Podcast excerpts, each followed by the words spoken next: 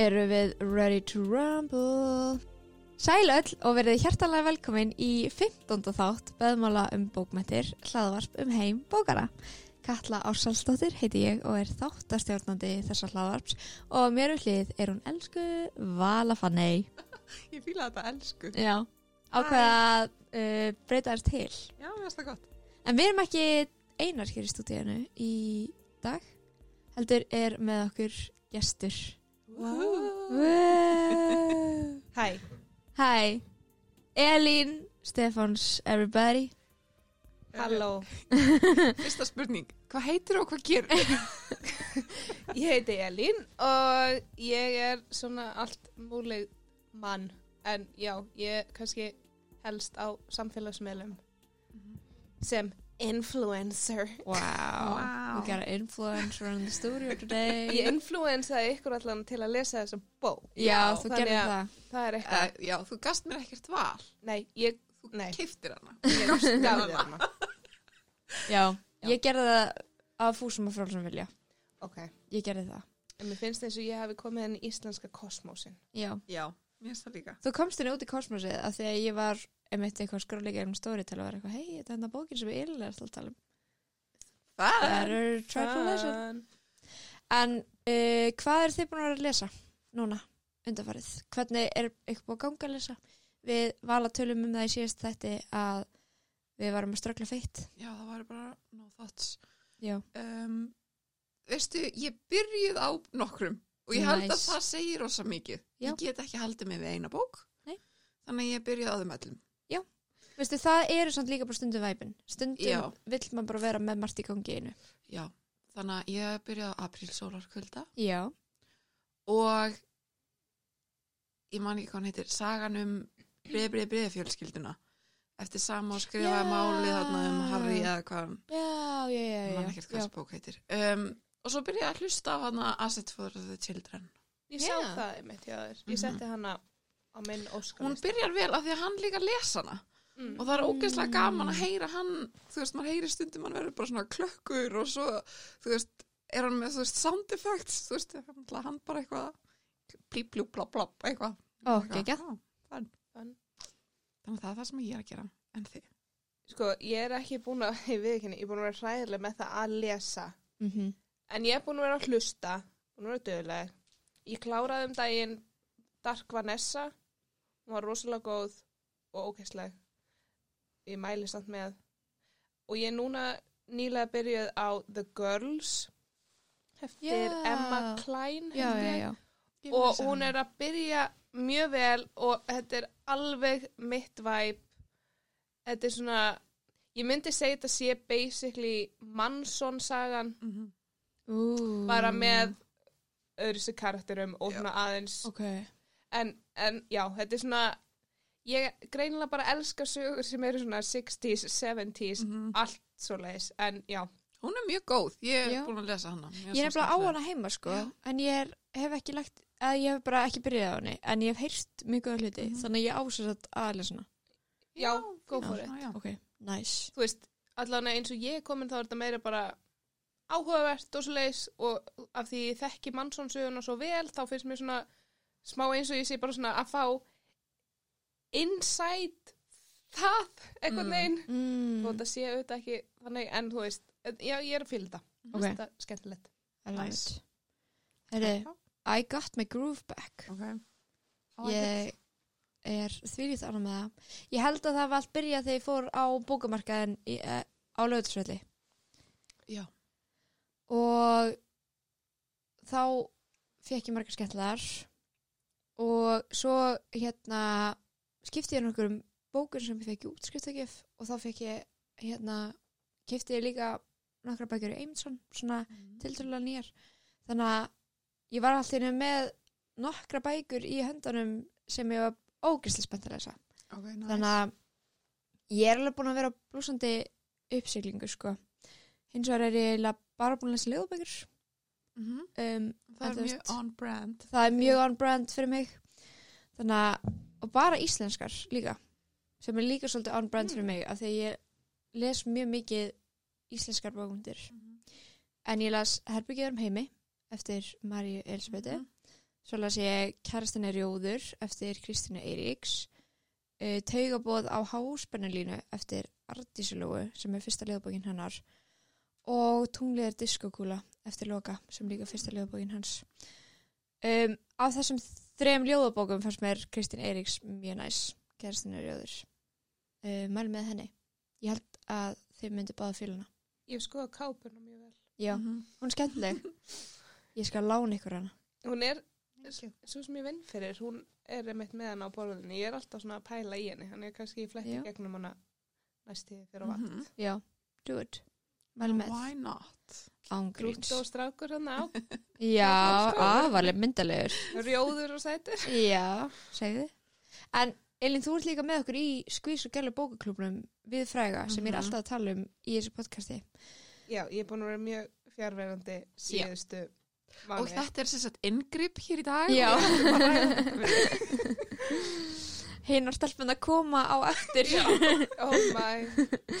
Já, ég, ég er að reyna að koma mér aftur í gang, en ég kemst ekki einu sinni í næsta hitting, þannig að í næsta mánuði þá verð ég bara go, go, go. Já. Lofa. Þá næstu alla bækurnar. Allar. Já, og þú verður með kynningu. já.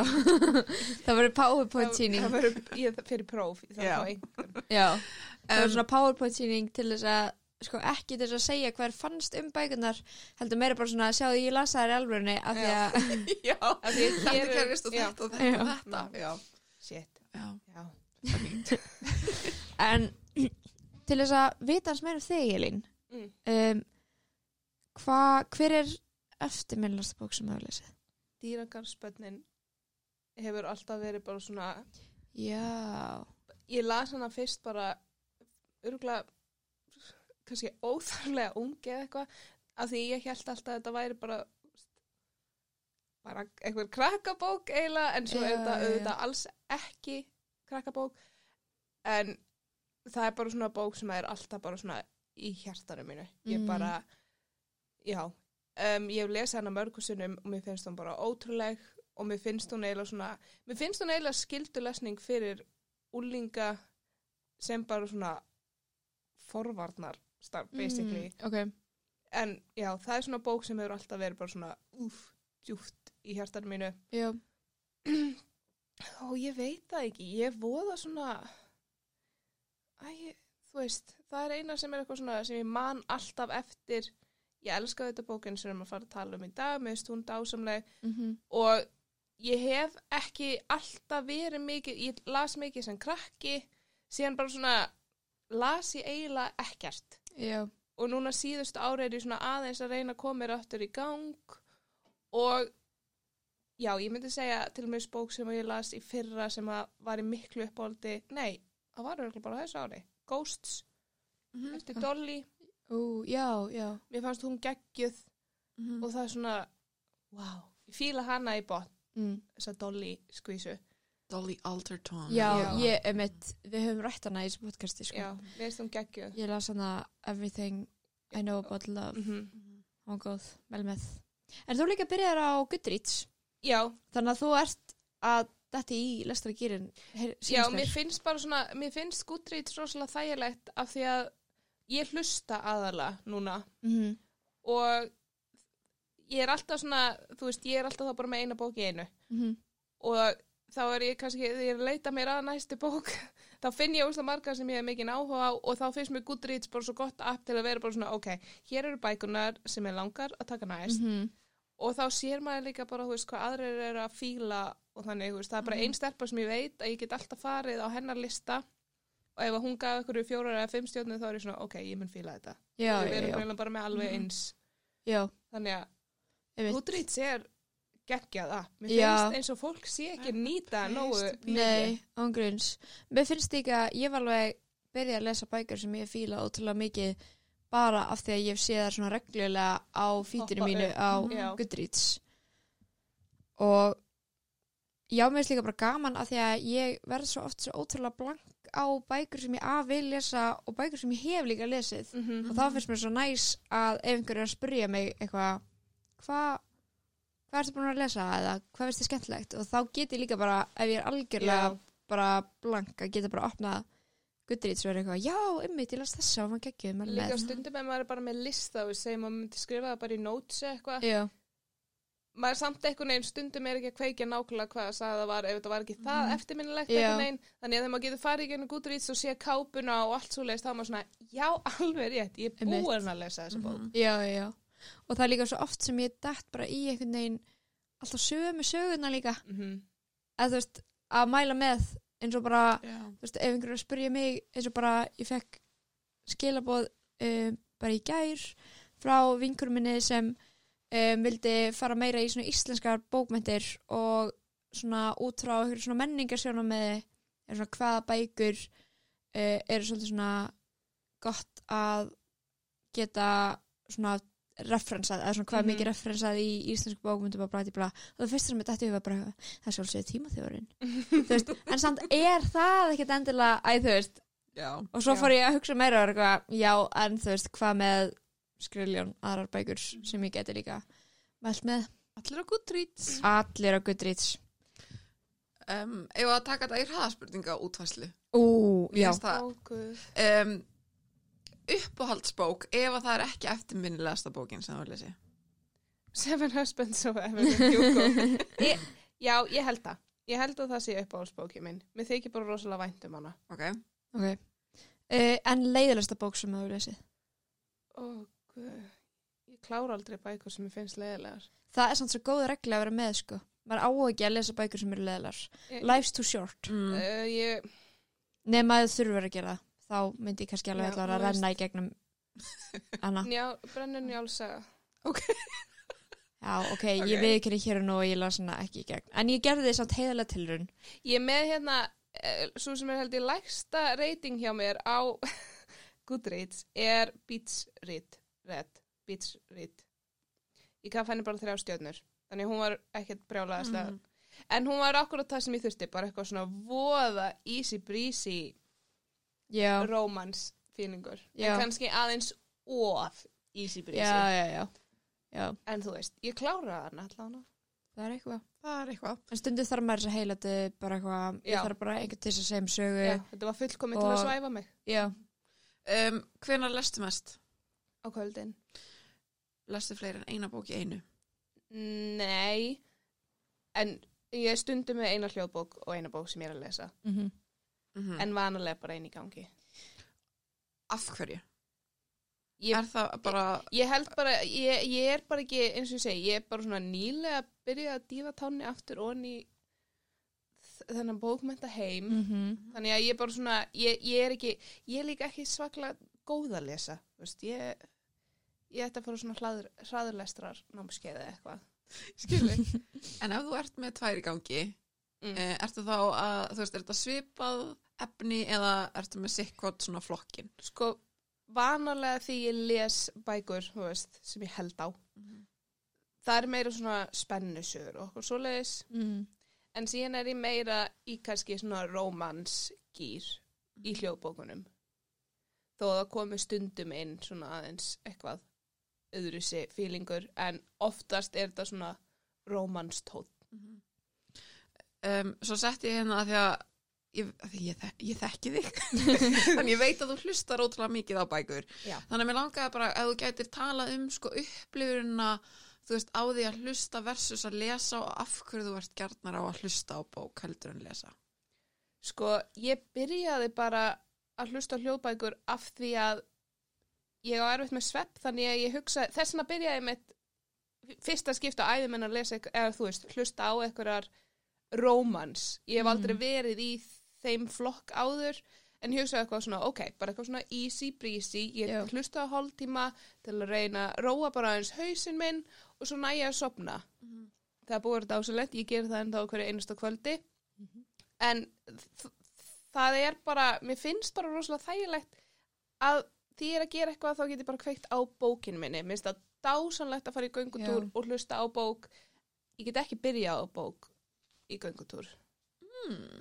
Þá er ég bara svona, ég veit ekki hver þetta er þú veist, ég verð að vera invested til að Já. geta í alveg verið að svona innbeita mér að því Mm Mm. En já, eins og ég segi, ég held líka að sé bara voða mikið, ég á, er ekkert best í heimi að lesa. Mhm.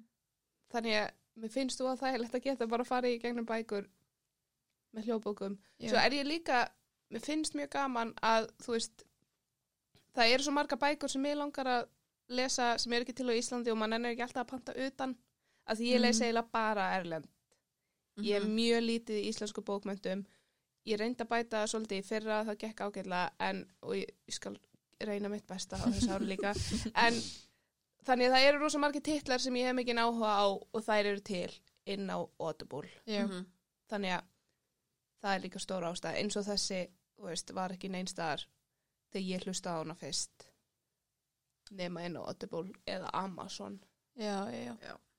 Ég er svona tengi líka alveg við þetta að það er svo oft sem ég er eitthvað æfast ég langar bara að vera að lesa en einmitt, ég get það ekki að því ég get ekki fysiskt sest niður Já. og opna bókina Mhm. þannig að þá finnst mér það ótrúlega læs Mhm. og líka svona að það rífur mig stundum svolítið í gang að gera hluti sem ég finnst ekki það skemmtilega Mhm. er svo að vaska upp og þú veist, setja í vél og þegar maður er bara með þetta í eirónum og maður er komin aðla inn í sögu sem maður er að fíla Mhm. þá bara, þú veist, ég get bara eitt óvart einum og hálfum tíma bara ég ganga frá og eitthvað þegar ég ætlaði bara sko að setja í einu þóttuvel eða eitthvað, þú veist Mhm. I like it, mm. það er næs það er næs ég verð líka bara svo þreytt ef ég er að lesa í langan tíma, þá er ég bara ó, sopnu En finnst þér sopnar alltaf út frá ef þú ert að hlusta? Þú veist, verður aldrei of invested í sko, bókinni? ég er bara með reglu út af því að það er inn á Audible appinu, þú veist, það er svona sleep timer Mhm. og ég er alltaf bara með 30 mínútur Já, og oftast er ég ennþá vakandi þegar hún slöknar en þá er ég bara, ok, nú fer ég að sofa Mhm. já, þannig að og ef ég sopna yfir henni þá bara daginn eftir á, þú veist, ég tek alltaf screenshot af henni fyrir að sofa, þú veist, af tæmurnum þannig ég veit Mhm. nákvæmlega hvað hann byrjaði og þá fer ég tilbaka kannski tíu mínútur og eitthvað og þá er ég komin á réttan stað Mhm. þannig að ég, það gerist stundum að ég sé alveg svona ok, mér langar að setja aftur og aftur og aftur, og aftur en Mhm. ég er bara svona þú átt ná erfitt með svepp fyrir maður svo stopp, Mm. þetta er hugleisli frekar ef þú þarfst að hlusta á eitthvað, Mm. ekki meiri bók. Þetta er sjálfsægi Þetta er mjög mikill sjálfsægi. Mhm. Ás, já, ég bara verð, ég á það erfitt með svepp að ég verð að reyna að, að gera eitthvað rétt sko. Já. Já, ég er samt að því að ég hlustaði á hann Red, White og and Royal, Blue. Blue. Og ég með það var ein nótt, það sem ég bara, ég gat ekki hægt, en ég var samt Já. sko hálf sofandi, Mhm. en samt, þú veist, var alltaf í gangi og ég var bara eiginlega að dreyma, þú veist, söguna, því að þú veist, ég bara, já, ég er ekki að segja, ég hafi ekki mörgum sinnum ítt á 30 mínútur 17 sinnum skilur já, það hefur alveg gerst, en ég reyni að hafa þetta sem svona mhm. smá reglu já, En því, mér finnst þetta samt svona eins og að ég væri bara að lesa ekki eitthvað góða bók, mm -hmm. því ég er Mhm. ekkert vissum að hafi vendilega verið hlustið. já, já, Þú veist, kannski var það bara sagan, þú veist, ég hefði Mhm. kannski pínt með og lesað hana áfram. já. Vá, einmitt, hversu oft hef ég verið bara í alvörinu að sko sopna og þurfa að lesa aftur eitthvað svona mm efnisgreinina fyrir ofan að því ég var bara ekki að, þú veist, meðtaka neitt en vera samt bara, nei, þetta er á spennandi ég verða að halda áfram í þetta klára kallan, eitthvað. Ég var svolítið þannig einmitt með Red, White and Royal Blue af því mér fannst hún bara svo skemmtileg. Já, ég er svo spennt að lesa hana. Og mér fannst hún æði. Já, ég, wonderful. já, hún bara svona, hún var bara good feeling. Og voru þeir, þeir voru báðar hlusta á hana Já, ég mæli með að hlusta á hana, mér finnst gæinn sem að lasa hana mjög. mjög næs og þú veist, hann breytti röddum og þetta var svona. ok, er það audible eða? mm ok, ég nefnilega er stóri til kona sko, mm. en ég hef ekki séð hana þar þú ert sko. náttúrulega í svo miklum íslenskum. Já, ég er það nefnilega. Mhm. en ég, kannski að ég geti bara að ég skoða þetta. Fa- það er eitthvað svona Kannski free trial þannig ég já, kannski það, hendi það er ég hef þetta þá. marga free trial aðgang haven't we all En við kannski setjum núna uh, spoiler alert af því að við ætlum að að tala um bóki, bókdagsins. já, Um, þannig að bara spoiler alert, krakkar, spoiler ekki okkar að kenna ef við skemmum sig. nei. You're entering at your own risk. Við fengum þig hingað í dag, Elín, til þess að tala um Seven Husbands of Evelyn Hugo eftir Taylor Jenkins Reid og kom út árið 2017. Uh, gætur kannski til að byrja með sagt okkur frá bókinni eða sögunni og svona um hvað hún er Já, sko, þetta er svona Old Hollywood mm. saga og karakterinn Evelyn Hugo er svona byggð á Elizabeth Taylor og þannig sem Mhm. ofurstjörnur og þetta snýst bara í rauninni um hennar líf hún er að fara yfir allt lífið sitt hún átti sjö eiginmenn og svona maður fær svona að vita kannski af hverju hún átti svona marga eiginmenn og já, ég veit ekki hvern, ég er ekki góð að gefa svona summary á þessu. Þetta er bara um Old Hollywood sem kona og bara allt sem því fylgir. -hmm. og líka sem hins einn kona. Sem hins einn kona sem var náttúrulega plot twistið þannig mm -hmm. að því ég vissi ekkert hvað ég var í raun að fara að lesa ég vissi að þetta var eitthvað svona Old Hollywood og nátti sjö, sjö einmenn og ég bara, wow, spenna Já. Uh, mér fannst nefnilega mjög gott sko hvað þú náður að halda plottistinu þú veist bara einhvern veginn fyrir þig þannig að þegar Já. ég las bókina og var ég bara, oh my god Já. Já. og það kom mér svo ótrúlega mikið ávart og svo líka þetta plot twist alveg í lókin sem ég var bara what the frick. Var Já. eitthvað svona Já. í strætó og ég held að ég var verið mjög skrítur og svipur þegar ég bara, hæ, hvað hvað meinar eitthvað.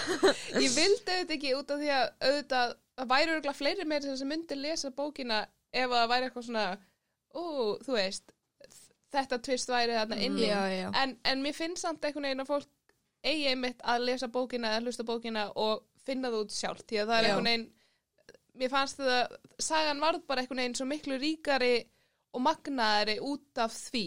Já, út af því að maður færi eiginlega ekkert að heyra af þessari hlið. Nei, einmitt.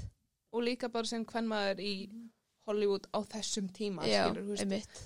Mér finnst Old Hollywood bara svo ótrúlega áhugavert já, dæmi og þess vegna held ég að ég hafi verið bara svona ég verð að lesa þessa bók. Já, þetta var svo mikill þetta var svo ótrúlega karlver heimur sem og er ennþá í dag ég segi það já, en en svona blatantly karlægur og blatantly að konur í Hollywood Mhm. voru bara hlutir einhvern veginn. Mm og þú veist bara að þú veist fara yfir sín eigin mörk eða endurskoða sín eigin mörk ef það er Mhm. ætlið að komast á eitthvað ákveði stig og eitthvað svona. Eða þú veist eins og það kemur allan fram í, í bókinni. Ég, ég hef líka hlustað á svona viðtöl við nokkrar af þessum stóru stjórnum á þessum tíma. -hmm. og þeir eru bara svona late night show eitthvað svona setna meir.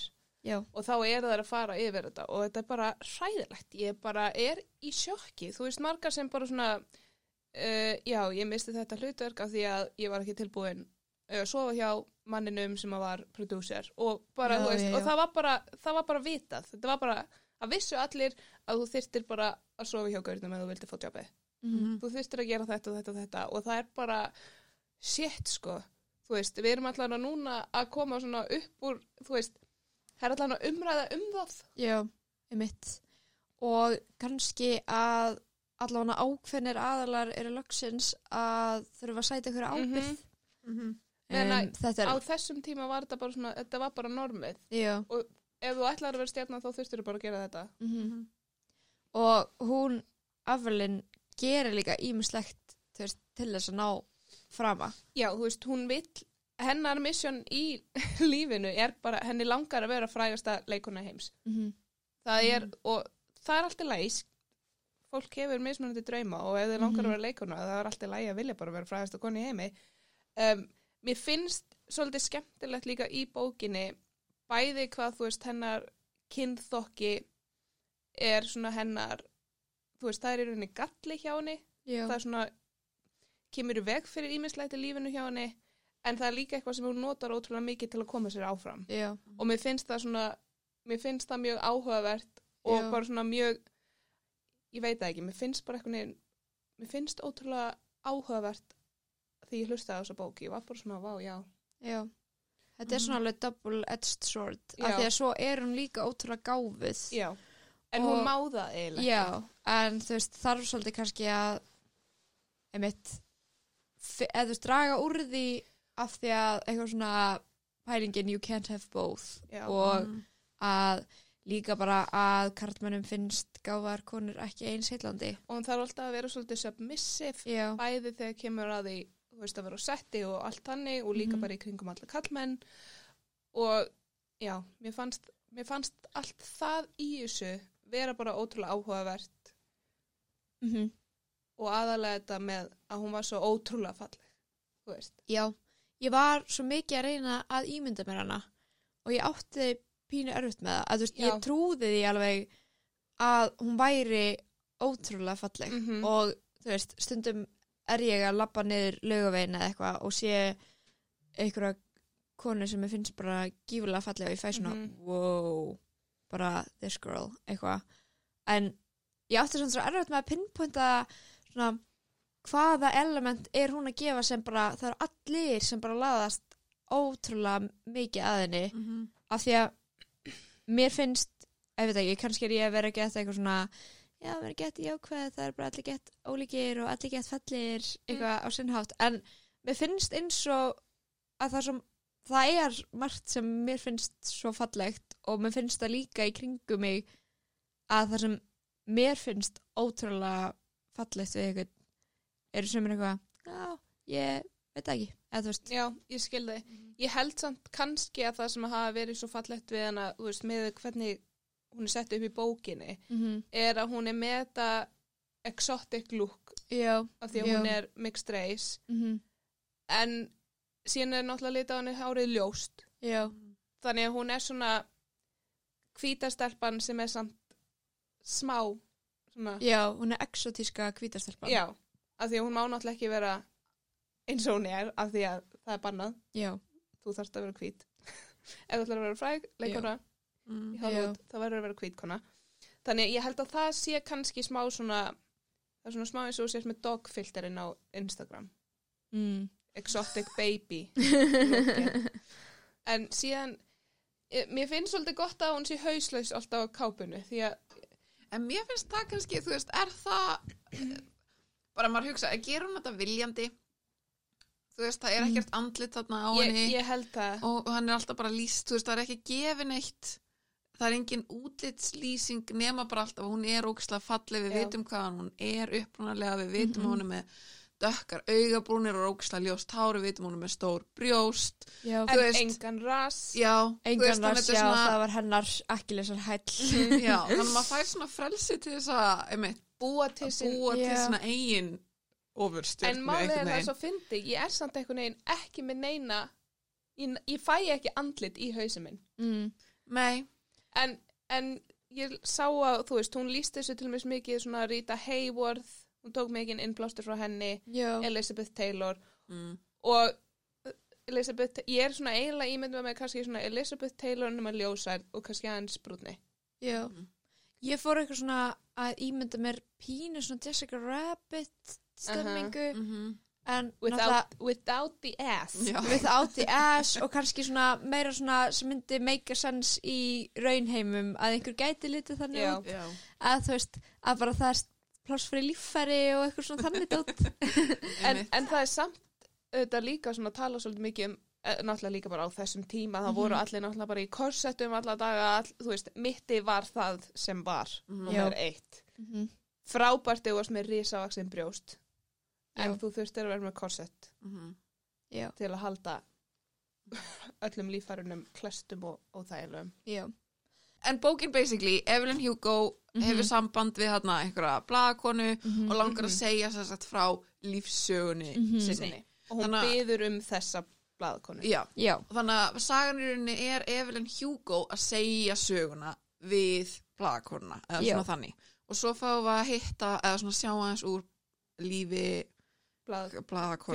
Fjölmiðlakonar, Monique. já. mm Um, sem ég fatta ekki alveg af hverju værum að fá að vita svona mikið um hana já fyrir en í lokin, þá Já. var ég bara ok, þá meikir þetta sens Ég nefnilega þegar ég byrjaði á bókinni og alla bókina var ég svona, ég þarf ekki að vita, mér er alveg saman Móník. já, ég var svona, uh, þarf Móník að vera eitthvað að rífast um mér sína aftur. Ég nenni ekki. já En ég skil það í endan, en þú veist, samt var ég eitthvað svona, mm mín vegna hefði þessi fóðurinn alveg, þú veist, það hefði mátt sleppinni, já, en auðvitað er þetta gert Já. til að binda inn í þetta plott, þú veist, sem að bókin endar á. Já, Já, sko, mér fannst nefnilega bara svo augljóst frá byrjun að hún væri tengd inn í, Já, þú veist, þannig að mér, þú veist, ég var alltaf svona að býða eftir Já. því já, og í endan var ég pínu fyrir vonbreyðum með hvernig hún væri tengd inn í. Eða já, þú veist, ég já. svona, æ, ég hefði nú ekki verið hægt að gera það einhvern veginn, Að hún hefði verið ætlit eða, já, eitthvað þannig, já, já. ég var alltaf að býða eftir eitthvað svoleiðis. Já, af því að þú veist, það kemur líka fram alveg í byrjun að þetta er svona af hverju vill hún mig af því að það er, þú veist, ég er bara svona get mediocre blaðamaður hjá get mediocre Já. blaði og þá er einmitt eitthvað, já, þú veist, að þetta er bara geðveitt mikið eitthvað svona big deal. Þú veist, þetta er bara eins og ég veit ekki Þetta er hvað eins og eh, Elizabeth Taylor hefði beðið mig um að skrifa greinin um sig. svona pínum að vera svona, já, ok bara skemmtilegt, Mhm. en why þessi, af hverju ekki eitthvað Mhm. big shot hjá, ég veit ekki, New York Times eða eitthvað. En kannski, já, En ég var líka alltaf eitthvað svona, þú veist, eru þið að reyna að spera saman, þú veist, líf Monique og líf Evelyn, af því það er báðar eitthvað svona mixed race konur, eitthvað Mhm. að, þú veist, feta upp svona framastegan, Mhm. þú veist, ég var eitthvað svona, þú veist, það var Mm. alltaf mín hugsun, og svo var ég eitthvað, en, þú veist, Samt svo allt öðru sér aðstæður. já, allt einhvern veginn- aðstæður og líka bara, þú veist, Monique er gett eitthvað svona ó- óviss með sjálfan sig og eitthvað svona, er alltaf eitthvað að ég er ekkert það frábær í eitthvað sem blæða maður, blæti blæða og kærst minn hætti með mér og það var gett umlegt og ég fann alveg til með henni af Mhm. því að þú veist, það hefur verið glatað Mhm. en svo var ég samt eitthvað svona ég þarf samt ekki að vita svona mikið um þig og fyrirvarandi að þú veist, Nei, já, mér fannst það svona, ég skildi, ég skildi það ekki alveg alltaf. Um, en svo náttúrulega líka er ástæðan fyrir því að Evelyn langar að tala hana en náttúrulega greinin sem hún varð þú veist, sem að gekk svo vel hjá henni um hérna val já. um að taka eigi líf og allt það, þú veist, já, að enda lífsitt þannig að maður skilur það líka einhvern veginn þegar líður, þú veist, maður veit hvað er að fara að gerast já, þú veist, já. maður veit alveg hvað Evelyn er að segja henni Já. frá þessu, skilur þannig að ég, þú veist, maður svona já, en ég skil alveg líka því að Evelyn, nei, Monique skilur Hann. hana Já. Já. þú veist, og um Og mér fannst svona, því, sko. þú veist, það sem að mér fannst kannski skemmtilegast við þeirra svona fram og tilbaka var að mér fannst svona eins og Evelyn, af því Evelyn Hugo er náttúrulega mjög, þú veist, hún er mjög viss með sjálfa sig, veist, mhm, og þessi Monique er það augljóslega ekki. Mhm. á kannski, þú veist, enda bara eitthvað, hva, stóð hvað hún var gömul. var 30 og eitthvað Já, þú veist, hún er bara að reyna að finna sinn stað í lífinu. Mhm, og þegar leið á bókina þá fann hún einhvern veginn loksins smá svona kjark. Mhm. til bara, hei, þetta er það sem ég er að gera núna. Nei, Kæró, þú kemur ekki tilbaka já, það var gott. S-face bara. Og þú veist, mér finnst eins og það hafi verið svona kannski smá ástæðan fyrir að uh, Taylor Jenkins Reid var í raunni að setja svona mikið af henni. Ég held að Mhm. hún hafi verið kannski að setja þetta svona women empowering women. Já, það hafi verið smá svona girl power Já. vibe Af því sem átt að koma. Já, hún verður miklu vissara með sjálfa sig Já. og verður svona tekur meira pláss það sem líður á Monique Mhm. allana og stendur alveg upp í hárinu á Evelyn á Mhm. tímapunkti og eitthvað Mhm. svona ég, ég held að þessi bók sé líka voða mikið bara svona um það að þegar þú eldist þá lærir bara að vera bara svona sáttari og sterkari í einn skinni mm -hmm. og óhrætt við að bara svona byggja um það sem þú vilt já en treystir þú Evelyn sem sögumanni þú veist og svona breyttist það við þar kannski eitthvað þú veist, varstu alltaf treystir alltaf því sem hún var að segja? Já, eiginlega sko, mér fannst Mm. eins og hún væri í raunni ég, mér fannst einhvern veginn allan tíman eins og hún hafi beðið um þetta viðtal því að hún vildi alveg bara segja sína sönnu sögu. Mm hún vildi koma öllum skýtnum upp á yfirborðið.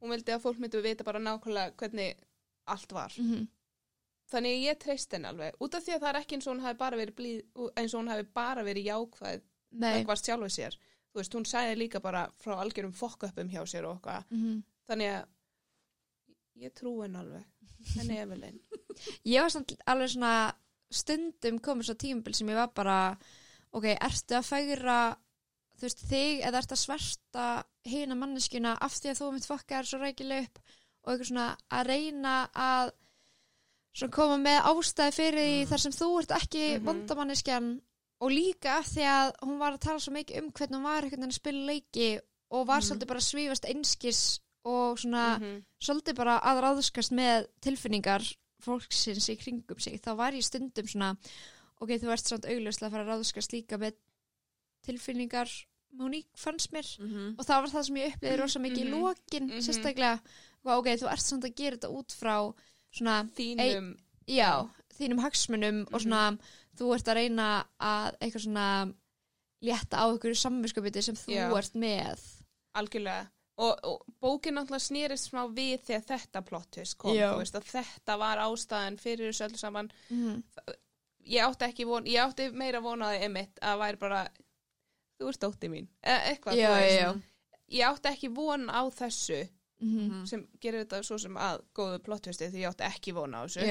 En þú veist E- Evelyn Hugo er augljóslega greinlega samt bara ágætlega manipulative. Já. ég held hún væri frábær í Real Housewives. Þú gætir ekki búið til betri karakter. En ég held samt líka að það sé stundum smá af því hún er kona. Mm. þá er hugsaðum þetta á öðru sér háteldur en þetta var kall já, af því að eh, frekar augljóst að allir kallarnir voru líka að manipulata allar já öll scenario sem voru í gangi mm giftast henni bara til að komast á toppin já, og allt með Já. þess að einu sinni án þess að hún vissi að það væri ástæðan fyrir því að hann var að giftast henni. Já, emitt Mhm. þannig að meira sem þegar hún reyndi á ást með kallmanni mm. þá var það alltaf brotið. Já, brotið á henni á eitthvað hátt.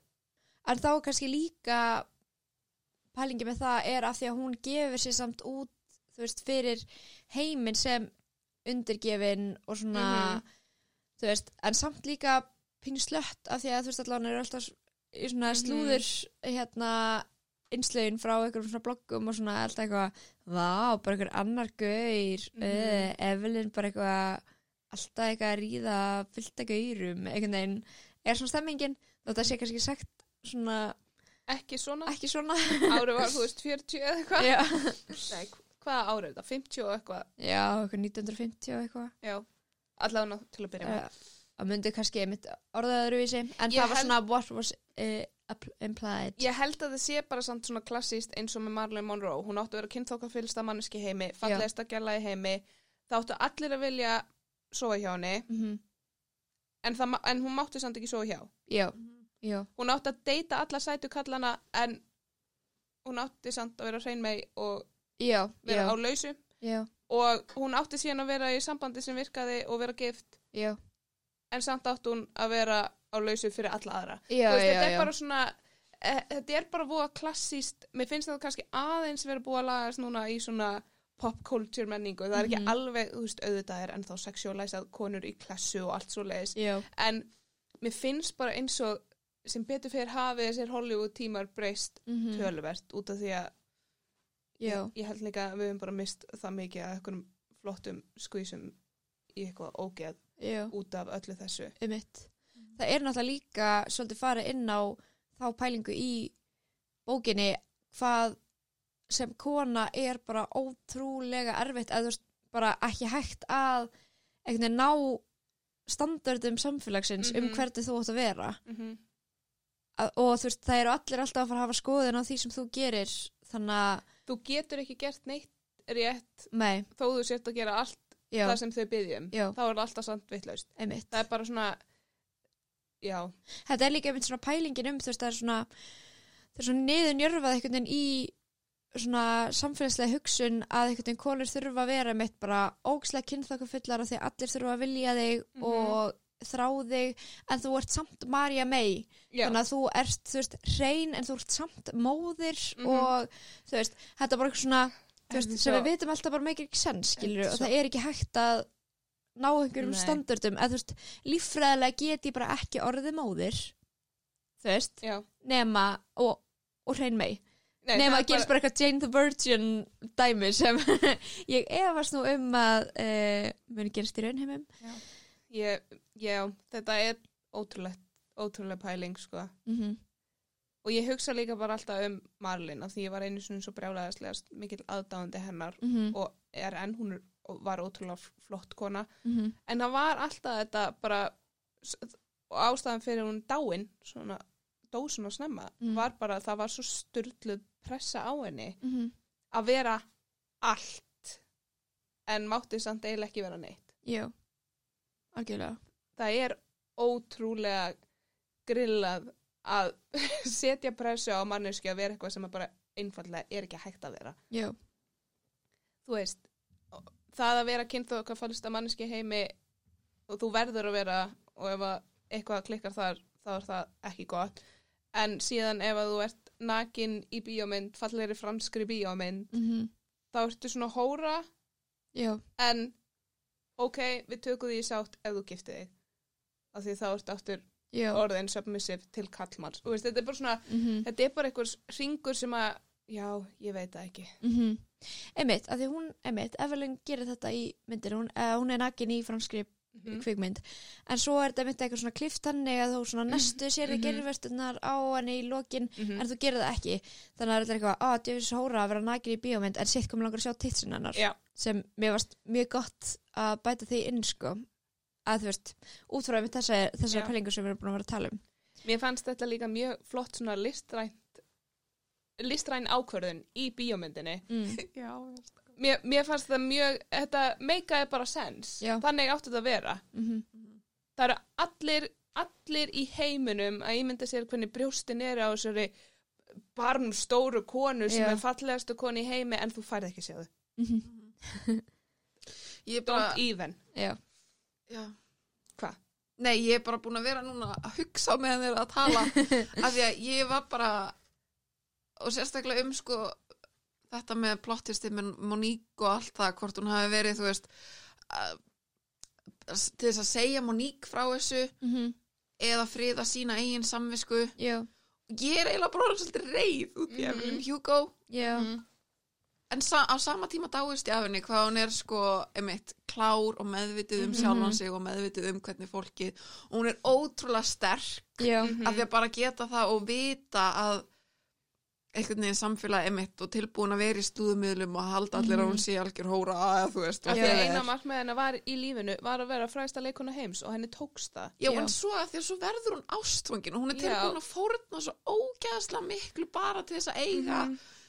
Þú veist, eiga það prívat Mhm. og já. maður er svona dáist að því einhvern veginn er tilbúin að leifa fólki að hafa ránkugmyndir Mhm. um sig já, bara til þess að halda ykkur þú veist, fyrir sig Já. og maður er svona, vá hvað það er geggja en djöðlar í fokking reið við hana að hafa verið að draga Monique og segja henni frá allar þessari sögu þú veist, að því að þetta hvað ver- gerist, þú veist, hvað fær Monique í lokin, þú veist, er hún að fá einhverja þú veist, Hún fær ekkert closure. Nei, Nei. þú veist, hún fær ekkert Eina sem er bara eitthvað Eina Ok, sem hún fær mitt. í rauninni eru peningar. já, Þú veist, hún mun augljóslega bara vera á góðum stað í lífinu eftir að Einmitt. hún getur gefið út þessa bók. já, mm, En ég myndi ekki segja að peningar bæti upp fyrir dauða föðins. Þannig að þetta er svolítið bara eitthvað uh, lífið þitt er á kvolfi sem í út af mér um, en hérna er peningur hérna er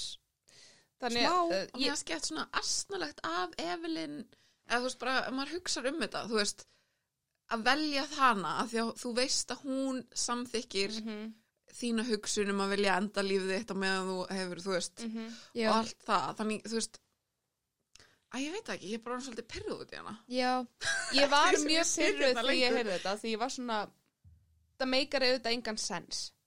Auðvitað, þú ert ekki að gera neitt fyrir Monique. Mhm, þú ert augljóslega bara að gera þetta einmitt til að bara svona friða þína samvisku án og þú tekur síðasta andadráttin skilur já, en samt sem áður er maður, ok, núna þú veist, hef ég ekki mist neitt í einhverju slisi og í rauninni, náttúrulega í rauninni mm var búið að lítið vita, það var náttúrulega bara haldið að hann hafi bara verið fullur mm. og þess vegna dáið í einhverju bílslisi myndi maður samt ekki fá smá samt svona ok, þú veist ja, uh, þú veist náttúrulega smábúið að þá taka þetta svarta blett af pappinar í raunni mhm, með hvernig hann dó en Já. samt búið að bæta öðrum Já. við en samt af því að hann er að Já. halda fram hjá mömmunar eða þú Já. veist og lifir er Já. og, og þú þekktir í rauninni pappa en ekki neitt já, já, þú veist þannig að það er svona jú, hún fær eitthvað svona ok, hann var veist, Ég veist ekki að honum að kenna. Ég vissi hann var góð maður en hann var líka samkynur að halda fram hjá mömminni og var að fara að flytja úr landinu. Mhm. já, og yfirgefa okkur. Nei, Já. hann var ekki að fara að gera, hann ætlaði ekki að Nei, gera. nei, hann Alveg. ætlaði ekki að gera hann ætlaði ekki að gera. En samt er mitt eitthvað svona, já ok, hann var samt bara með mömmu minni af því að þú veist, af því að einhver svona skildurækni og, og af því að hann vildi fela það að hann væri samkynniður en samt uh, ég var búin reynd á beint á það eins og Já. það hafi verið miklu vinir þetta var voða Já, svona þetta var vináttu ekki samband ástar samband Nei, þetta var kannski var, svolítið eins og Evelyn og Já, vinur hennar ég held, Henry. ég held líka að það sé bara rosalega mikið Henry. af hjónaböndum á þessum tíma sem voru svona settu upp Já, samkomulag. þið eru Já. saman af því að þið viljið eiga fjölskyldu viljið Mhm. hugsa um hvort annað og elski hvort annað en síðan í rauninni færðu samt líka að lifa smá lífi Já, fyrir utan já, en þá er ég samt líka að pæla út frá sko mömmu Mhm. Móníka því hún gifti sér aldrei aftur eða Mhm. þú veist Móník vissi aldrei á neinum kærasta eða neitt þannig og þá verið svona, ah, þetta er samt ekki sérstaklega góð hlutskipti að mínu mati, að þú veist af því að hann fekk að elska maðurinn Mhm. hennar, fekk að elska Mhm. Harry, hinn mannin mm -hmm. um, en þá er ég eitthvað svona að, að mig langar þá líka hún fái tækifæri til að elska Mhm. Þú veist, þótt hún hafi þú veist, alveg elskað dóttur sína og elskað eigimannin sinn en Já, veist, en það var auðvitað ást, já. ekki svona ást er ríða. Nei, passion. Pathjón Já, þetta er, ég var búin að Það í þessari með mömmunar, ég var búin að gleyma því eiginlega. Að hún var mjög opinbar svona, mm, við vorum bara partners, já, skilur við, já. vorum partners in crime, skilur þetta var það sem við vorum að gera, við Já. vorum með fjölskyldu, vildum hugsa um hana, það var okkar mission. mhm. þannig Svo- að þú veist, þannig að það er kannski kannski, hún vissi kannski Ég, ég, ég, veist, þetta mér finnst það, kannski smá. var hann ekki að halda fram hjá Kannski já, var var höfundurinn þetta- að reyna að gefa það í skinn, þú veist, í gegnum bókin einmitt með þessum Mhm. spjöllum við mömmuna, Mm. svona gefa í skinn, ok, kannski var eitthvað í gangi með pappan, já, veist, sem að var það svona að byggja svona- upp að, já, og ég það var sko kannski að býða að pappinar hefði verið að vinna við eitthvað því að hann var einhver svona on-set Já. ljósmyndari og eitthvað ég held að býða eftir að hann hefði verið að halda við Evelyn eða, já, ég, ég, eða eitthvað þannig. Mm, eða sko að hún væri dóttir kæristunar já, mm, ég held Vá. það Mm, eða einhvern veginn og hún já. hefði þurft að mér datt það nefnilega líka hug sko. Þetta var eitthvað svona. Einmitt. En mér finnst það líka áhugavert veist, af því að einmitt, það var þetta stóra markmið Evelyn bara frá því hún var barn mhm, að ætla bara að vera ógislega fræg hún ætla bara að vera frægsta leikona og bara mhm, þú veist, flýja bakgrunn sinn sem var svona að vera tildurlega fátæk í, hvað var það ekki, míturstrikt í já, hérna New York. ab- abusive faðir og, Já, og sem er þetta bara þú veist, flott en það er samt líka svo grunnhyggið pæling, að, þú veist, að það sé markmið þitt í lífinu er fræð og ég ætla ekki að, þú veist, ég, ætla ekki að dissa neitt sem það er það sem hún vil gera, þú veist, bara allir tekur you sér do sem you. persónlegri árás. En, nei, en þú veist nei, þú veist, það er samt fyrst mér kannski líka öðruvísi að því að hún ætlaði að vera fræg en það mátti enginn þekkja hana en þú veist, mér veist öðruvísi eins og þú veist, þegar ég horfa á þína samfélagsmiðla þá finnst ég mér var ég vera að djóka sko. já, en ég er samt þú veist að taka það sem dæmi skilur og líka bara, þú veist, kannski Instagram áhrifavalda þá farið að vita mér um líf þeirra þótt að þú veist, einstaklingur fá þetta að vita hvað þú veist að Mhm. fá að vita um líf þeirra þú veist en æ, veist, þetta var bara eitthvað svo grunnhyggið af því að svo fekk aldrei neitt að vita neitt um hana sérstaklega og svo stóð hann einhvern veginn bara ein þú veist, það var 79 ára Mhm.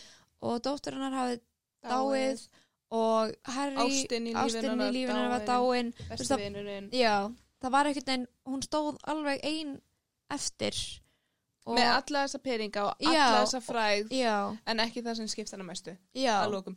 Ég held að þetta eigi líka bara að vera svona leksja svo, já fyrir þetta lesendur sko. en þá er samt líka bara eitthvað á, er þetta samt ekki pínu líka eitthvað svona basic og svona pínu þreytt leksja að vera alltaf eitthvað ástin er það sem skiptir máli? Að því að þú veist, jújú jú, ég, ég skilð það og þú veist, þú þarft að vera með ást í kringu þig þú veist, að einhverju leiti til þess að kannski, þú veist, fá eitthvað svona fulfillment í lífinu. En svo var eitthvað, en þú veist ég skil samt alveg að vilja vera bara boss bitch og það er, þú veist, ámar alltaf að forna því fyrir eitthvað sem gæti verið ást Æ, fætti, ég er bara Ég, mér svona finnst eins og hún hafi einmitt alltaf bara svona alla söguna eiginlega verið að berjast við það hvort vill hún mm algjörlega dýfa sér í ástina -hmm. eða vilja halda áfram við það sem hefur alltaf verið markmið mitt að verða fræðista leikuna heims Já. og halda mér á þeim stað. En af hverju má maður ekki bara gera bæði? En finnst að ykkur var ekki að hann Já. náð Mér finnst hún, mér finnst eins og þegar hún fór síðan í burtu Já, með Síli og, og dóttur sinni og Já. hann giftist bróður hennar. Mm -hmm. mér finnst eins og þá hafi hún verið bara svona, ég er búin að gera allt sem ég vildi gera. Mér fannst eins og hún hafi farið Já, og með þá vitandi, ég gerði allt sem ég ætlaði mér, Já, ég náði toppnum eins og ég ætlaði að gera og ég ætla núna að fá að njóta þess að vera með fólkinu sem ég elska. Já, er, já hún, þú veist, ég held að hún hafi algjörlega upplegað eitthvað svona hamingi þar og svona, kannski í fyrsta skipti svona mikla hamingi en á samanskapi þá var það samt eitthvað svona var, þú veist, þurftur hún að flýja aðstæður og umhverfið og þú veist, af því hún var svo óksla fræg að þá fekk hún að geta prífa sig og líka því þetta endist svo stutt í stóra saminginu þú veist, þetta hamingi sama tímabil En hún náði náttúrulega markmiði sínum að verða ógæslega fræ Mhm. frekar hratt. mm -hmm. Og mér finnst eins og þegar hún fattaði hann að langaði að gera meira, mm. þú veist, þegar hann langaði að fara að leika önnur hlutverk, þegar hann langaði að fara að rey, þú veist, hún var ekki lengur bara eitthvað svona ég ætla bara að vera sexy Já. vixen hún vildi Já. Þú veist, hún verða vildi góð leika, leikona já. já, já Þannig að finnst eins og þá hafi tekið eitthvað svona sviss sviss, mm kannski, Já. veit ekki hvernig. En svo líka bara varð hún fullornari af því að er, þú veist markmið sem ég setti mér þegar ég var 14 ára hafa vissulega breyst skilur núna Já, ég meina, ég, þegar ég var þryggjara ætlaði ég að vinna í sláturhúsi, sko, það er ekki eitthvað sem ég langar að gera. Nei Ég held að ég hef ætlaði að vera lögreglukona á einhverjum tímabúti ég hef bara ætlaði vi, vissulega að sleppa því En ég held að, þú veist, það sé smá það sem mér fannst bara fallegt við söguna var bara, þú veist, hún var bara að reyna að finna sig eins og allir aðrir er að gera Já, í gegnum allt lífið sitt. Hún Mhm. held að hún vildi nákvæmlega þetta, en síðan þegar hún náði því þá var hún bara svona, þetta var ekki það sem ég vildi. Mér langar frekar að fara og sína, hei, ég er ekki bara ógæsla falleg, já, heldur ég er góð leikun og ég á skilið lofið sem ég fæ Já. og veist, ekki bara því ég er sæt já, og ég, við kenni, mér fannst ótrú, ég átti ótrúlega erfitt með þegar allir bara fóru að deyja í kringum og ég bara, mér leiði svo illa. Já, það var umlegt sko. Ég bara, ég átti ekki vona á að fókinn dóttirinnar myndi líka deyja. Og, og mér fannst, ég tók það mjög nárið mér þegar að Harry dó. Já, af því að mér fannst þeirra samband ótrúlega fallegt í gegnum alla söguna. Mm og þá aðalega kannski í hérna uh, hjónabandi 2 þegar hún var með þessum hérna uh, þessum ofur fræga leikara sem síðan sett hana bara svarta listan alls þar Já, sem var, var bara- mjög abusive. Já. Þú veist þá var Harry allan tíman mm hennar bara rock. Ég var svo ofta að býða eftir því að Harry myndi snúast gegn henni sko.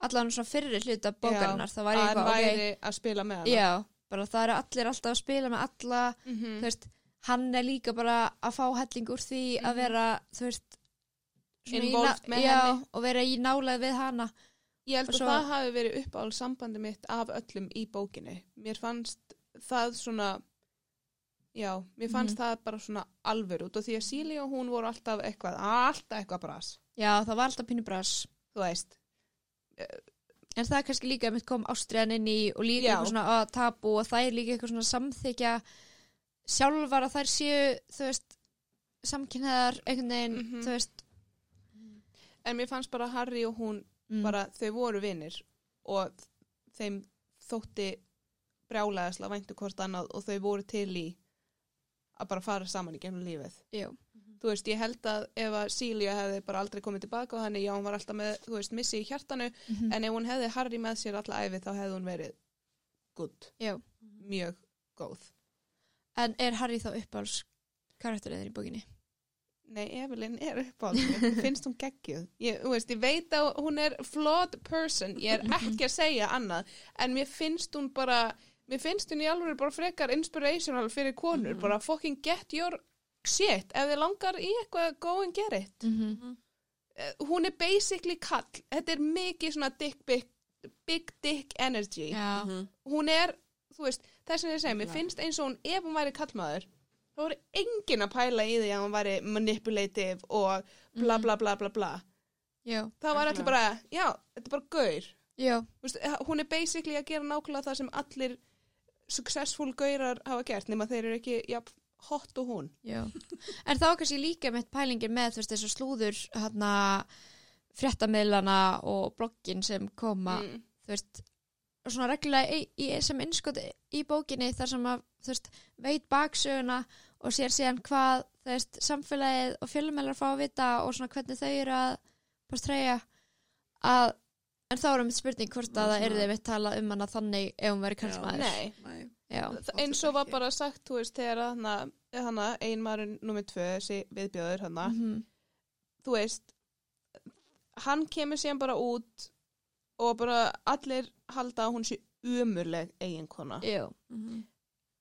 en það skiptir ekki máli, veist, það var eina sem skiptir máli. Já. hún var umurleg kona, hún feilaði sem kvennmaður, hún feilaði að Já. gera það sem kvennmenn eiga að gera, ég er að segja þetta mjög harðra gæsalappa hérna. Já, þú veist já, að ég veit ekki. Þetta, mér, finnst það, mér finnst þessi bóki ef eitthvað bara, hún er bara rosalega svona pæling um kynjarskipti í Hollywood. Mhm, og, og auðvitað þú veist, núna lifa á tímu það sem að fullt af samkynniðum frægu fólki, þú veist, fullt af samkynniðum leikurum og allt svo leiðis mhm, og við náttúrulega erum svona smá forundapérisar að búa núna þar sem að það er bara svona frekar samfélagslega samþygt að vera samkynniður en á Mhm. þessum tíma ég held að maður ég held að við áttum okkur ekki á kannski bara svona í alveg þú veist hræðslunni sem Já. þetta fólk hefur. Og ekki bara um það að það væri bara cancelled nei, heldur bara bara bara lífið upp á lífið þú veist að, að þú sért bara í hættu Mhm, þannig að mér fannst það líka bara ótrúlegt eins og við sögðum báðar eh, eins og við sögðum allar hana í byrjun veist, það var geggja plottvist sem ég átti ekki von á mhm, að hún væri síðan bæ að því hún Mhm. skilgreindi sig aldrei sem lesbíu Mhm. nei, en Sílía gerði það, minni mig já, hún, Já. Var, hún var alltaf bara Mhm. Mhm. hún hafði aldrei áhuga á kallmönnum nei, En- og Evelyn átti stundum erfitt með að skilja það hjá Evelyn. Já, já, já, S- en það var líka einmitt bara þá frekar svona áhugaverð pæling. Já en þá kannski líka mitt pælingin um þú veist að þegar svona það að vera samkynni kom inn í umræðana og maður heyra stundum ennþá hjá ykkur svona mjög miklum mm Mhm, kassalega pésum að svona það er svo mikið annarkvort eða. Mhm, þú veist, annarkvort er, ertu samkynniður eða kynniður einhvern veginn og það er ekki þessi flóra mhm, sem, þú veist, kynneið er mhm. og að vera hinsegin er og eins og ef eitthvað skilgrein sem, sem bæ en Mhm. síðan á í gagkinniðu sambandi já, já, þá er það bara svona á, þú veist, þetta var bara tímabil vast lesa í mínútu þú veist, Já. eitthvað svoleiðis og líka sömulegis að síðan að fara í samkynnið samband þá eitthvað, já, þú varst bara samkynnið Já. þetta tíman, eitthvað í afneitun eða svona eins og whatever. það sé alltaf bara eitthvað eitt box. Já, já, svart hvít þetta er bara tvíhyggjan. Já, blessaða tvíhyggjan. Þetta er áhugavert. En ef þessi bók er þið gerð að bíómynd hver myndi leika Evelyn? ég á svo erfitt með þetta því ég veit ekki hvort þetta yrði góð bíómynd. Mm. er erfitt að sko- setja upp söguna Já, það er sko verið að vinna í þáttum, ég var að googla í gær. ég held að þættir getur verið betra eitthvað svona, sjónarsvið já. Já, og það er nefnilega mest áhugaverð, það eru tvær sem að voru producers eða eitthvað tengdar The L-Word eru Mm. ú, að gera þetta og önnur þeirra var líka uh, hvaða þættir voru það? Ég var ekki búin að sjá svo fréttir ég er mjög hafmingisum Og Handmaid's Tale, hún er executive, vá. Mm. executive producer on both Empire and The Handmaid's Ok, Tale. getum við þá ekki haft það í huga að þetta verði þá allavega flottir þættir? Mm. Sko ég myndi halda það, en þetta er sko frétt síðan 2019, þannig að það er Síðan að vera kemur samt bara svolítið- COVID og þú veist, Já. það er allt í Mm. fokki. Já. Þannig að en það er greinilega ekki búið kannski að ráða neitt eða, þú Nei. veist. Ég vona að, að það verði ekki ráðin kvítstelpa í hlutverkið. Það er eina Mhm. sem ég vona. Já, það væri, það væri samt líka bara svo mikið svona defeats the purpose Já, af sögunni, af því að það er líka alveg skiptir máli að hún sé mixed Já, race út af því að sagan er um það, þetta er árið þetta, Mhm. 1700 og súrkál, þar sem það var bara bannað, þú gast ekki verið, þú veist, það sem að heimurinn vildi Mhm. og verið ekki hvít. Já, Þannig að ég veit samt ekki hvað, mér finnst það er svo mikið af flottum nýjum leikurum og leikunum að koma núna eins og ég sagði um daginn þegar ég horfði á hana, hvað var það, Golden Globes. mm. Mhm. Ég var bara svona, hvað fólk er þetta? já, Þú veist, ég þekki, það, mér finnst það mjög skemmtilegt út af því að mér finnst eins og að sé bara allir sömu búin að vera í þessari búblu síðustu ár já. og núna einhvern veginn með sprengju Netflix og bara svona, svona Mhm. meira svona Nýju engarekið dæmi Já. Já. þá er svo mikið bara einhverju nýju fesku fólki að koma inn mhm. og alls konar fólki og ég held, þú veist, ég bara hef fulla trú að við finna einhverja mega hot, Amazing. rasslausa babe mikilvægt, það er ef hún mikilvægt verður með rass þá verð ég ekki sátt ég er bara hér til að segja eitthvað það ég vil risavaxin brjóst, ég vil engan rass mér fannst tekið svo mikið Það var lagt Já. mikið þú veist, li- mikil áhersla á það hún var ekki með rass Já, erfitt að fara í gegnum lífi fallegasta kona já. heim rasslaus, oh. hún, hún hafði sinn djöful að draga og það var uh, engin Já. en ég myndi vera að pæla þessu bara áðan og ég held ég er með svona þrjár í huga og ég held að það sé að því ég er búin að að horfa svo ógeðslega mikið á Ugly Betty. Ég er búin að ógeðslega dögulega að horfa á Ugly Betty. Að ég hugsaði sko Salma Hayek var svona mitt fyrsta sem er dætt í hug. Af því að mér fannst hún eitthvað svona með The Power of Makeup þá myndur einhvern veginn Mm. þú veist það getur verið virka sem eldri og yngri sko, mér finnst samt, og guð, núna er allt, ég er alveg ekki allt og mikið smáatrið í þetta, út Mm. af því bókin er nú samt hávaksin Já, satt. Og hún er ekki kannski körfi Nei. þannig Mm. séð. En svo hugsa ég líka sko þú veist, ég er náttúrulega já, ég en ef þið eru að hugsa um hana, þú veist bara in her prime, þegar hún var bara, þú veist þrítug, já, þá hugsa ég sko Camila Mendes hana sem leikur Veronica í Riverdale. Ó. Ég hugsaði það sko, af því að hún er hún er mjög falleg. Hún er mjög falleg já, Og hún er frekar svona athletic, eða þú veist, hún er ekki... já, en hún er ekki með jugs. En það er nú alltaf En hægt að það er keipa því að- í lag, eða ekki? Ekki? Fæ, nein. út af því að ég er að hugsa um alveg svona þegar ég ímynda mér hana, ég er alveg að hugsa svona Jane Mansfield jugs. Mm. þú veist Anna Anna, Nik hvað heitir hún? þú ert þar. Ég, ég er bara ímynda mér að hún sé bara með, út af því hún talaði bara um það þú veist, að þetta var bara erfitt þú veist, hún fekk bara stór brjóst mjög snemma og það var alltaf, þú veist, það sem að fólk horfði á hana já, og, þú veist En til að klára þetta, mm mhm af hverju finnst þér þetta góð bók? Og þá er ég að hugsa um að því að þú hlustaðar á hana til að byrja með. Fannst þér það, heldur að það hafi litað upplifuna, finnst þér söguþráðurinn, Sko- veist, hvað er það sem gerir þetta góðri bók að þínum mati? af því mér finnst þetta bara svona frekar komplex svona saga konu Mm -hmm. og hennar erfiðleikar í gegnum lífið og hvernig hún reynda að finna út úr þeim eins Mhm. best og hún gat. Mhm. Mér fannst, og svo bara svona settingið og allt hannig gerir hana bara ekstra góða. mhm Eins og ég segi, ég hef bara brjálæðislega mikinn áhuga á þessum tíma og mér finnst þetta ótrúlega áhugaverðu tími mhm og ég mæli samt mjög mikið með að hlusta á hana því að það er mjög góður þulurinn sem að er inn á Audible og svona sagan er mjög lifandi þannig að Já. mhm mér finnst þetta bara ótrúlega áhugaverð saga. Jú. Ég held líka að þetta sé bók sem værilega skemmtilegt að lesa við nefnilega Og pæla meira. Já, og svona vitandi hver plottvistin eru og svona, Mhm. ok, hvar eru vísbendingarnar eitthvað svona, þannig Af því að, einmitt, við erum búin að tala mjög mikið um þetta sem bara svona feminist verk svo aldrei, eða þú Mhm. veist, Mm að því að maður einhvern veginn heldur þetta sé bara skaldsaga. En það er svo ógeðslega mikið í hennu sem að gera hana svo fulla og skemmtilega. Um, uppáhalds karakterinn, Evelyn, við rættum það. Evelyn Mhm. eða Harry, þú veist, þeir Ok. bæði. Mhm. Og er það þá uppáhalds eiginmaðurinn? Eða var einhver annar sem kom Auðvitað þér var óvart? það uppáhalds eiginmaðurinn minn. Það er engin annar sem ég hef Mhm. áhuga á. Hver af þeim kom þér mest á óvart? Sem bara svona manneskja kannski. Ég man ekki hvað er heit allir. Nei, æ, Já. Ég- Ég held fyrir mitt leita að hafa verið verið franski leiksturinn já. af því ég var að vonast Já, til að hann væri já, ekki hann djús var síðan Já. algjört dykk já, hann kom mér óvart ég, en ég fílaði hann aldrei frá upphæðu því ég fann bara svona, hann vildi bara einmitt þar sem að, við erum búin að tala um þú veist, hann vildi kynþokka fylstu konu í heimi og svo þegar hann fekk hana þá var það ekki það sem hann vildi Mhm. Já, hún var ekki nóg, af því hún var mannleg Já. Mhm. true Um, hvað er eftirminnilegast við bókina? Það eru hraðspurningar í lókin.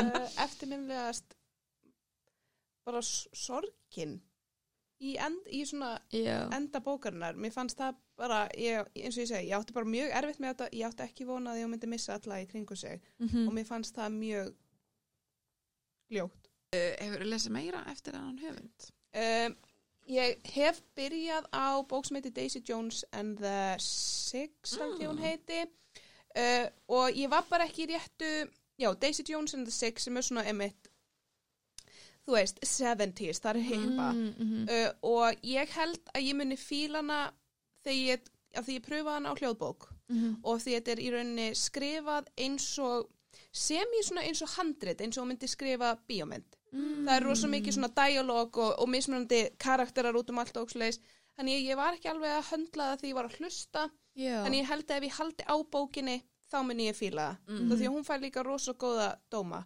síðan hef ég lesið After I Do eftir hana og já, og hún var rosa góð svona bara ástarsaga mjög næs, þú veist, ekkert crazy en sifin hanni Mhm. og síðan er ég að býða mjög spennt eftir nýjustu bókinarnar sem heitir Maybe in Another Life nei, það er eitthvað annað mér langar rosalega að lesa meira eftir hana Mhm.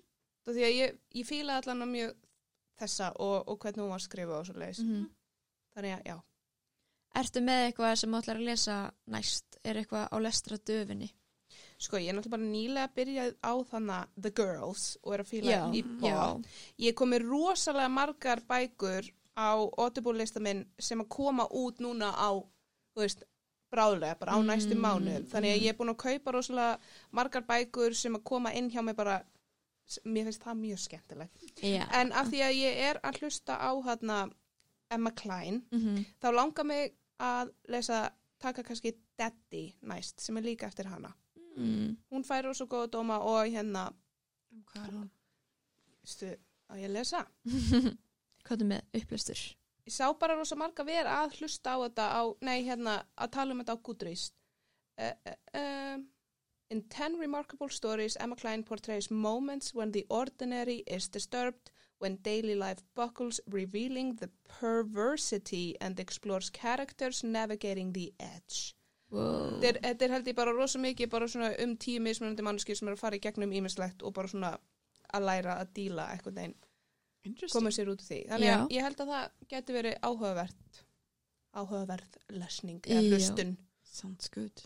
Sounds good to me. Takk fyrir að koma. verður um að Hugo. koma. Já, takk fyrir að leifa mér að koma hérna svona ekki Ah. bókmentafræðingur. Nei, veistu það þarf ekkert allir að vera bókmyndafræðingar til þess að geta tjáð sem bækur. Það er rétt. Það er bjútið í þessu alls saman. Bækur eru fyrir alla. Bækur eru fyrir alla. Woohoo. En takk kærlega fyrir komuna, Elin. Það var mjög gaman að fá þig. Mjög gaman að koma. Alltaf til í gesti. Um, Mikið stuð Já. að vera gestur.